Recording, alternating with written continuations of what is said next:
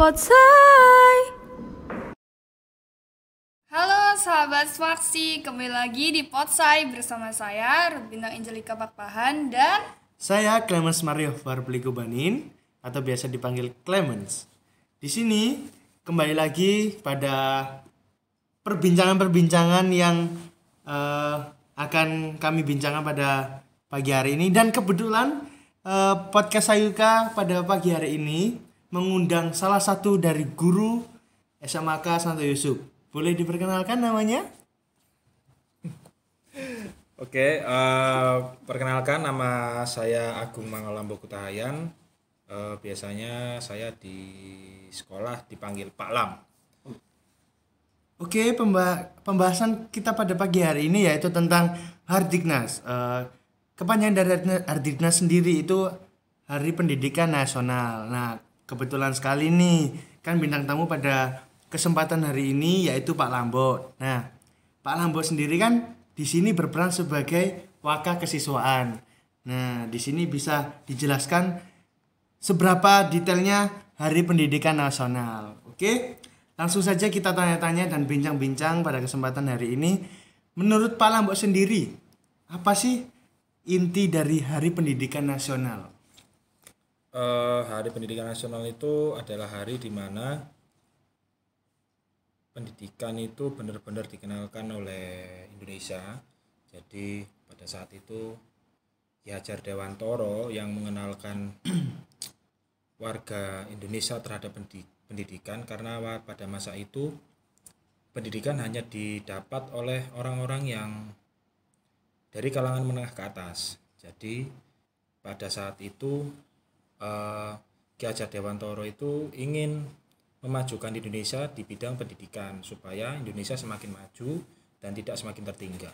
Hmm, berarti pada saat itu selain Indonesia untuk mengusir penjajah itu dengan cara perang-perang-perang, tetapi kemungkinan Kak Pak Ya. Kiai Hajar Dewantara ini berpikir pendidikan ini juga penting gitu. Mungkin pendidikan ini juga salah satu bisa untuk mengusir penjajah gitu ya Pak. Mungkin maksudnya seperti itu. Ya secara tidak langsung seperti itu. Hmm, tapi ini ada arti lain menurut web Wikipedia. Itu Hari Pendidikan Nasional disingkat Hardiknas ini adalah hari nasional yang bukan hari libur yang ditetapkan oleh pemerintah Indonesia untuk memperingati kelahiran Kiai Hajar Dewantara, tokoh pelopor pendidikan di Indonesia dan pendiri lembaga pendidikan Taman Siswa. Diperingati pada tanggal 2 Mei di setiap tahunnya. Jadi itu menurut web Wikipedia. Mungkin ada pertanyaan lain dari Ruth? ya kalau saya eh, ingin tahu nih kenapa diperingatinya tanggal 2 Mei. Nah, memang kan sesuai dengan yang di website tadi, kan memang eh, hari lahirnya, hari lahirnya Bapak Ki Hajar Dewantoro itu kan di tanggal 2 Mei. Betul. Nah, jadi karena beliau sudah berjasa terhadap Indonesia untuk memajukan pendidikan di Indonesia, makanya dibuatlah Hari Pendidikan Nasional itu di tanggal lahirnya beliau. Beliau. Hmm, seperti itu. Oke oke. Oke, eh, ini juga ada sedikit penjelasan tentang pertanyaan Ruth tadi, mengapa diperingati pada tanggal 2 Mei gitu ya? Ya. Eh, itu ada sejarahnya yaitu benar kata Pak Lambok tadi yaitu Hari Pendidikan Nasional diperingati setiap tanggal 2 Mei yaitu bertepatan dengan hari ulang tahun Ki Hajar Dewantoro. Jadi kan Adiru tahu sendiri bahwa Ki Hajar Dewantoro ini pendiri pendidikan Ya. nasional di Indonesia. Jadi untuk menghormati eh ibaratnya apa ya? Kayak menghormati perjuangan, Perjuangan Ki Hajar Dewantoro Hajar ini. Dewantoro. Nah, oleh karena itu Hari Pendidikan ini di, eh, diperingati setiap tanggal 2 Mei. Lalu apa sih Pak latar belakang diperingati Hardiknas itu? Untuk latar belakang kenapa dibuatnya Hari Pendidikan Nasional, Ya, itu kenapa Pak? nah, itu karena eh, beliau memang mempunyai sejarah yang luar biasa di bidang pendidikan dan beliau ini juga membangun sekolah untuk orang-orang pribumi yang namanya Taman Siswa. Nah, jadi seperti yang saya bilang tadi, eh, Bapak Ki Hajar Dewantoro ini memberikan pendidikan tidak hanya untuk kalangan orang-orang menengah ke atas, tapi juga untuk kalangan orang-orang pribumi. Nah, karena eh, di masa penjajahan dulu, penduduk pribumi itu adalah penduduk yang gampang sekali dibakar emosinya. Jadi misalkan sama sekali dipengaruhi gitu Ah, Pak. ya, jadi gampang sekali dipengaruhi. Jadi kalau seandainya memang pihak Belanda atau pihak sekutu itu manas-manasi, itu pun bisa karena memang penduduk pribumi dulu hanya tahu sedikit pengetahuan daripada orang-orang yang berduit kalau kasarannya sekarang orang-orang berduit. Nah, Ki Hajar Dewantoro ini mem- ingin warga Indonesia tanpa terkecuali itu bisa mendapat pendidikan yang layak. Makanya beliau sampai membangun sebuah sekolah yaitu namanya Taman Siswa sebagai langkah awal warga-warga Indonesia terutama untuk penduduk pribumi bisa mendapat pendidikan yang layak. Itu. Oke, gitu. Tapi ini juga ada penjelasan dari web juga. Ini saya searching-searching juga bahwa latar belakang mengapa Hardiknas ini ada gitu. Nah, ini menurut web Ki Hajar Dewantoro adalah pahlawan nasional yang dihormati sebagai bapak pendidikan nasional di Indonesia.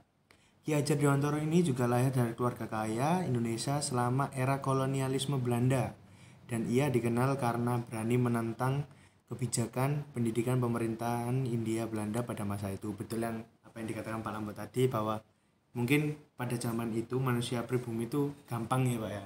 Emosinya itu Lagi- dipengaruhi Lagi gitu. pula begini, eh, lagi pula seperti ini.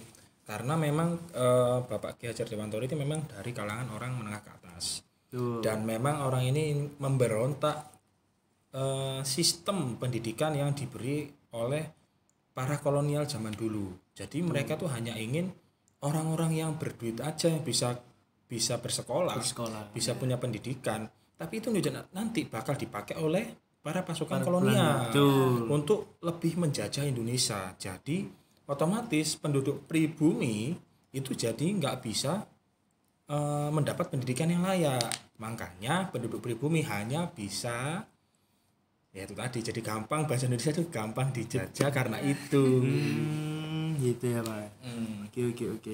Lalu eh, hari pen- hari nasional ini juga menurut info yang saya dapat ini juga hari nasional ini ditetapkan hari pendidikan ini ditetapkan melalui Kep Kepres nomor 316 tahun 1959 tanggal 16 Desember 1959. Jadi sejak tanggal 16 Desember 6 1959 ini tanggal 2 Mei itu sudah ditetapkan bahwa hari pendidikan nasional.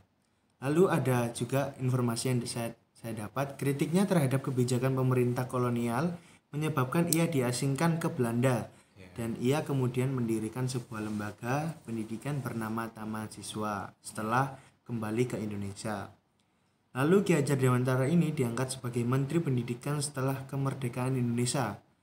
Filosofinya yang biasanya kita kenal yaitu Tut Uri Handayani yang memiliki arti di belakang memberi dorongan, digunakan sebagai semboyan dalam dunia pendidikan Indonesia. Ia wafat pada tanggal 26 April 1959 untuk menghormati jasa-jasanya terhadap dunia pendidikan Indonesia. Pemerintah Indonesia menetapkan tanggal kelahirannya sebagai Hari Pendidikan Nasional. Nah, jadi itu teman-teman eh, mungkin teman-teman nggak tahu kenapa sih tanggal 2 Mei itu selalu diperingati dengan Hari Pendidikan. Nah, itu tadi saya sudah bacakan dengan detailnya melalui informasi yang saya dapatkan dari web Wikipedia. Lalu Oke, eh, ada lagi. Apa yang apa yang biasanya kita lakukan itu di pendidikan nasional kayak kita biasanya di Hari Pendidikan Nasional gitu kita harus ngapain aja gitu. Untuk meramaikannya gitu ya. Iya, kita iya. apakah harus mengadakan event-event atau apa gitu. Bagaimana Pak Lambo? Eh, sebenarnya gini kalau untuk Hari Pendidikan Nasional itu eh, kegiatan yang bisa dilakukan untuk eh, mengenang jasa beliau sebenarnya ya diadakan lomba-lomba puisi tentang pendidikan atau bisa upacara mungkin ya pak bisa. biasanya sih memang harusnya ada upacara. Ya. tapi karena pandemi covid-19 ini jadi kita bisa sebenarnya melakukan kegiatan tanpa harus berkumpul. Jadi mungkin bisa eh, dibuatkan pidato apa lomba-lomba lomba buat pidato lomba- lomba buat puisi atau mungkin membuat karya-karya lain yang membahas tentang pendidikan seperti itu Nah, oke. Eh, sekarang saya ingin bertanya lebih dalam lagi nih Pak Lambo. Eh, menurut Pak Lambo sendiri, apakah pendidikan itu sangat penting dan sangat menentukan masa depan kita para generasi muda dan apa dampak dari tidak mendapatkan pendidikan? nah ini mendalam sekali Karena kan keba- kemungkinan besar kan masa depan kan tidak harus ditentukan oleh Iya. pendidikan gitu loh Pak. Iya. Kemungkinan besar. ya Mungkin bisa dijelaskan langsung oleh pakarnya pendidikan. ngeri ngeri ngeri gini eh, pendidikan kalau menurut saya ya ini menurut versi saya pendidikan itu penting karena memang eh, gimana kita bisa tahu hal baik dan buruk itu juga melalui pendidikan kita bisa tahu satu tambah satu sama dengan dua juga dari pendidikan Pendidikan. kita bisa mengambil sebuah keputusan itu juga dari pendidikan. Eh, Pak Lam juga nggak bisa pungkiri dunia sekarang kan semakin canggih. Betul. Ya, ya betul. Terkadang banyak orang yang bilang "Eh, sekolah itu nggak penting. Iya coba kebanyakan anak sekarang sekarang itu berpikiran seperti itu. Ya, eh, menurut saya itu omong kosong kalau saya bilang sekolah itu nggak penting karena langkah awal kita dalam mengambil sebuah keputusan itu juga berasal dari pendidikan. Pendidikan. Nah, jadi di dalam pendidikan itu ada banyak sekali selain dari pendidikan non akademik apa no, sorry non eh pendidikan akademis non akademis itu ada banyak sekali. Pendidikan akademis itu mungkin nanti kita bisa belajar eh, sejarah sejarah Indonesia supaya kita bisa lebih semangat lagi untuk memajukan negara Indonesia dengan mengingat Sejarah- sejarah-sejarah. Lalu semisal tentang geografis.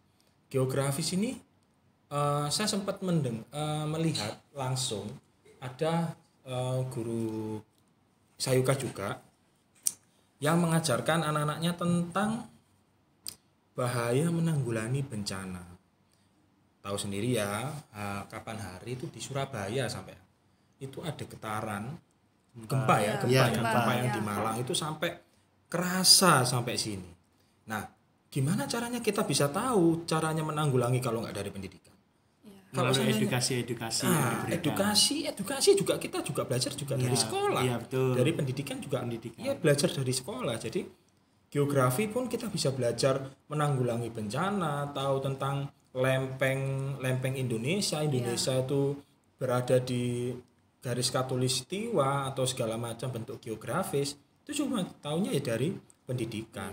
Kita bisa tahu mengambil sebuah keputusan kalau seandainya eh, kamu punya uang 10.000 ribu kamu pengen nabung 5.000 ribu. Gimana caranya kamu 10.000 ribu ini bisa kamu tabung eh, eh, kamu tabung supaya dapat sisa sisanya ini bisa kamu makan. Kan itu juga dari pendidikan, Betul. Ya. nggak bisa kalau nggak nggak tanpa pendidikan itu nggak bisa.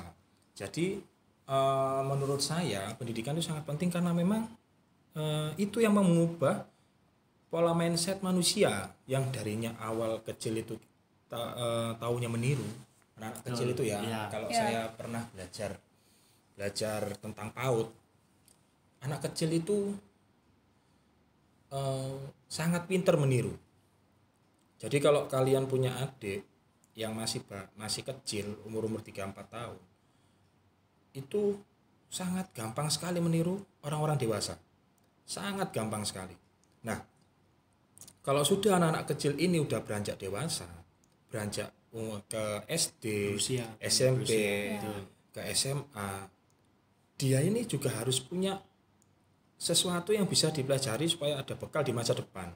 Kalau seandainya hanya bisa meniru, itu bahaya.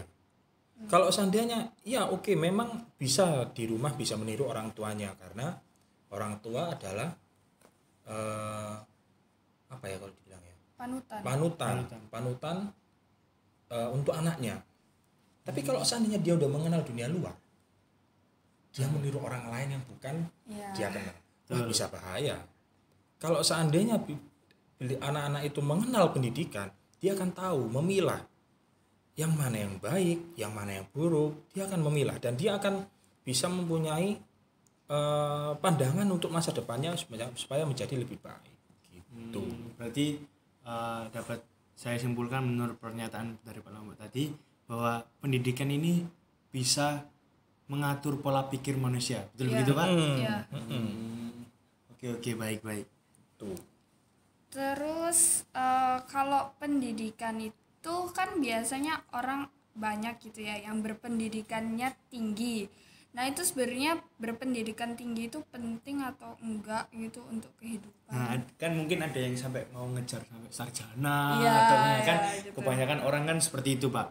Kan kan kat- kata Pak Lambok tadi kan pendidikan tuh sebenarnya kan nggak usah sampai tinggi-tinggi yang penting kita tahu dasarnya aja. Iya. Nah, tapi kenapa orang kok sampai mau sampai ngejar sarjana, aku pengen sarjana. Sampai Nah, ada gelar. sampai ada gelar. Nah, mungkin mungkin orang-orang yang berpikir seperti itu mungkin tanpa gelar aku gak esok mangan. Mungkin. Iya betul.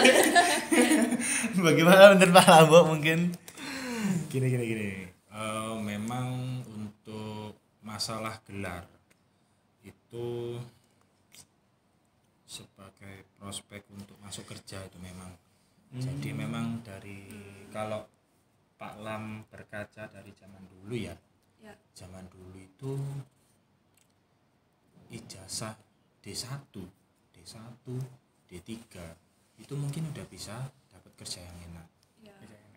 Eh, paling minim kalau ini kalau sebangsa dunia guru ya kalau kita udah bisa masuk setidaknya dulu itu kalau kita udah punya ijazah paling minim D1 itu pekerjaan udah enak sudah enak. Tapi memang semakin lama kan perkembangan semakin Betul, maju. ya. Ya.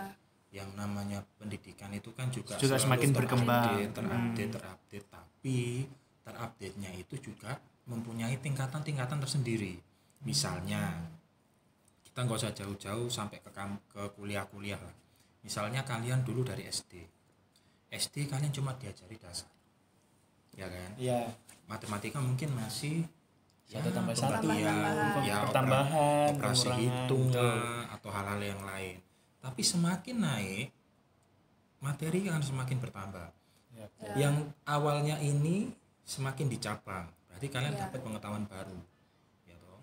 nah SMP ke SMA tambah lagi pengetahuan baru nah SMA ke kuliah eh, sar- sarjana lah misalnya Ya. sarjana Ya, ya. pengetahuan akan semakin baru nah itulah yang membuat itulah yang membuat kenapa eh, memang dalam dunia kerja ijazah itu penting karena orang-orang dunia kerja ini akan melihat oh berarti kemampuan anak ini sampai Sampai di sini. di sini. Kemampuan anak ini sampai di sini. Seperti itu. Tapi memang benar banyak orang yang bilang belum tentu sarjana, itu sukses. Iya. karena sarjana ada banyak. Tuh sarjana ada banyak sekali.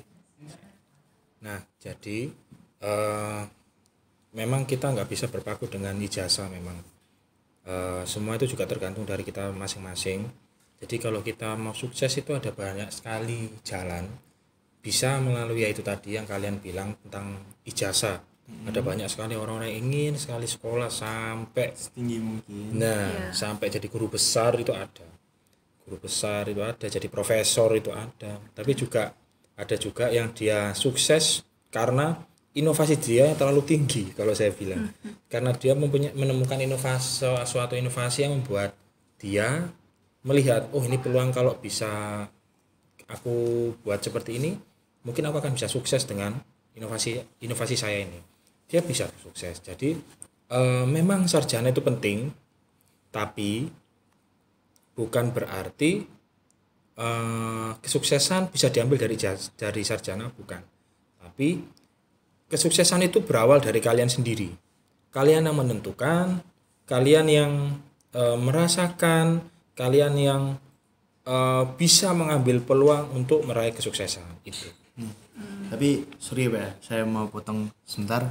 Tapi ada loh Pak, orang yang tadi kan Pak Lambok bilang ada orang yang ingin apa ibaratnya apa meraih pendidikan lebih tinggi itu untuk meraih hasil atau kesuksesan yang lebih juga. Iya. Tapi ada juga orang itu yang kadang dia itu berpendidik, berpendidikan sampai tinggi setinggi mungkin bahkan itu cuma gara-gara gila pangkat ibaratnya gitu. Nah itu menurut Pak Lambok sendiri gimana Pak? Nah, ada banyak itu pak orang-orang kayak gitu pak. Ah, eh, ya itu kembali lagi dari niat masing-masing orang kalau saya bilang. Niat dari masing-masing orang. Ada banyak sekali memang niat yang seperti itu itu ada. Eh, nggak usah jauh jauh-jauh. Saya punya sebenarnya teman eh, dia itu pengen ya itu tadi sama seperti yang dibilang oleh Clement kalau seperti gila pangkat itu. Nah, ya, dia tuh hanya ingin saya pengen dilihat orang, wah, anak ini bisa sampai S3, wah, anak ini bisa sampai guru besar. Jadi dia akan bangga kalau seandainya lagi ketemuan pas lebaran, wah, anaknya udah S3, anaknya siapa? Nah, suka dipuji ya Nah, itu. Jadi yang seperti itu tuh ada. Jadi itu semua tergantung dari niat. Itu. tapi kan kadang ada itu pak ya, ada istilah kalau anak itu pendidikannya harus lebih tinggi dari bapaknya Ya. ya ibaratnya gini pak kalau misalnya sekarang saya kan masih SMA nih pak ya kan bapak saya standar nih pak ya misalnya nah terus saya kuliah sampai misalnya amin lah kalau bisa. Amin, sampai S3 amin, lah. Amin, Nah, amin. terus nanti kalau anak saya saya punya anak terus nanti ber- berpendidikannya gimana pak? Ma- masa sampai S4 kan nggak ada tuh Nggak Pak. ada, nggak ada Nah, S4. jadi mungkin ya betul kata Pak Lambok tadi ya Pak ya. Kalau misalnya mau mencapai kesuksesan itu ya harus sesuai dengan niat dari diri kita sendiri dan juga ya kita harus lihat situasi dan kondisi juga gitu. Emang di, dari diri kita itu juga pengen berpendidikan yang tinggi tapi kita juga harus melihat kondisi dari orang tua kita apakah mampu gitu mampu untuk menyekolahkan kita di sekolah tinggi tersebut mungkin itu ya pak ya Ya, bisa juga Eh, gini. eh, bisa seperti yang dibilang papamu, kamu harus bisa lebih dari ayah. Kamu bisa lebih dari ayah. Eh, kalau memang kamu punya niat seperti itu, eh, niat yang baik banget. Tapi kalau semisal kamu punya beda jalan dengan orang tua, yang penting satu, kamu harus menunjukkan kalau kamu itu bisa sukses dari Jalan- apa yang jalan kamu lain. pilih. Betul. Nah, itu itu sih kan ibaratnya sebenarnya. banyak lain menuju Afrika Ke Afrika. Terus lain ini pak saya punya satu pertanyaan terakhir Ya, apa apa apa. kan bapak tahu kondisi sekarang kan masih pandemi nih pak ya Hmm. nah, pasti kan juga pandemi ini juga berpengaruh pada bidang pendidikan. Mm-mm. nah menurut pak Lambok sendiri misalnya pada bulan Juli besok ini itu tatap muka sudah di on kan jadi sudah kembali. ya sudah diperbolehkan. Itu menurut Pak Lambok sendiri apakah efektif atau tidak Se- apa di kondisi seperti ini? Eh, sebenarnya sih kami guru-guru tuh pengen ketemu kalian. Ya tahu kan Pak? Langsung. murid saya itu cantik cantik ganteng ganteng kok tahu lah. Gini gini. eh, sebenarnya aturan yang mengatakan untuk masuk secara serentak itu sebenarnya dari saya nggak tahu ya benar atau tidak itu apa- apakah sudah mulai ada aturannya untuk uh, masuk sekolah. Tapi kalau saya lihat dari uh, berbagai sekolah ju- juga sudah mulai ada yang offline ya sudah mulai ada yang ya offline. dari Cuman- beberapa provinsi. cuman eh, dengan aturan-aturan tata cara tata cara yang berbeda-beda yang pasti yang penting untuk eh, tetap menuruti protokol kesehatan itu diperbolehkan. Cuman memang yang saya tangkap informasi terkini itu ini kan kalau sekarang hari apa ya waktu itu ya? Hari Jumat yang lalu kalau nggak salah. Kita sudah mulai vaksin pertama. Dan vaksin kedua itu dimulai bulan Juli tanggal 9 kalau nggak salah loh ya Berarti- vaksin kedua. rentannya vaksin cukup panjang kedua. pak ya? Cukup cukup panjang karena memang eh, vaksin pertama itu dilihat kayak diobservasi gitu. Nanti akan ada laporan kalau seandainya ada badan yang lalu sakit pusing atau seperti apa. Itu kan memang efek samping dari Vaksin, vaksin, itu. betul. jadi makanya dia kasih tenggat waktu dua bulanan lah kalau nggak salah. Pokok- pokoknya ter eh, mulai dari Jumat kemarin itu. Nah memang sudah banyak yang bilang supaya sekolah-sekolah itu mulai masuk. Tapi ya seperti itu tadi. Nah, nanti pihak sekolah akan membuat seketat mungkin aturan-aturan sesuai dengan standar protokol kesehatan. Jadi seperti memakai masker nanti juga harus pakai face shield. Setiap anak harus pakai face shield. Lalu kalau di sekolah kita nanti itu nanti akan dipasang eh, tempat cuci tangan nanti akan dikasih sanitizer di kelas-kelas supaya nanti eh, waktu ngajar kita aman karena kan penularan virus itu kan bisa datang dari mana aja. Iya betul. Tuh, jadi eh, sekolah sudah siap sih, sudah siap. Dan guru-guru mungkin eh, guru-guru juga udah divaksin. Dan untuk vaksin termin kedua nanti juga akan dilaksanakan sebelum sekolah dimulai. Harusnya sih Sayuka udah siap. Hmm, tapi eh, menurut pengalaman saya selama dua tahun di Sayuka ini mulai dari off PJJ sampai eh mulai dari PJJ-nya dilaksanakan secara tatap muka sampai Hmm, sampai online. online atau bisa dikatakan daring itu pandemi ini memiliki efek samping yang sangat baik untuk perkembangan SMA Santo Yusuf. Contohnya yang sudah dikatakan Pak Lambok tadi bahwa sudah ada sesuai dengan prokes yaitu ada tempat cuci tangan sendiri Iya sih. dan info terbaru dan bahkan saya melihat sendiri bahwa pod, apa kok podcast sih? Bangku ya bangku sekolah SMA Santo Yusuf juga berubah ya pak ya? Ya jadi satu-satu. Jadi sendiri-sendiri dipisahkan dan berjarak. Jadi pandemi ini juga menurut pengalaman saya pribadi juga ada efek baiknya juga. Eh ya memang Pak Alam nggak bisa pungkiri. Eh sangat sangat sangat besar sekali sih. Dampaknya memang pandemi covid ini. Ya Eh, kita jadi nggak bisa tatap muka nggak bisa ketemu teman-teman nggak bisa cangkruk ya terutama. Waktu, waktu tatap muka itu enak sekali bisa nongkrong di Bu Yus. Mungkin yang nggak tahu Bu Yus ada tukang jual bakso di tempat Kantin kami. sekolah. kantin Sayuka ya. Eh, dan memang udah hilang karena pandemi COVID-19 ini.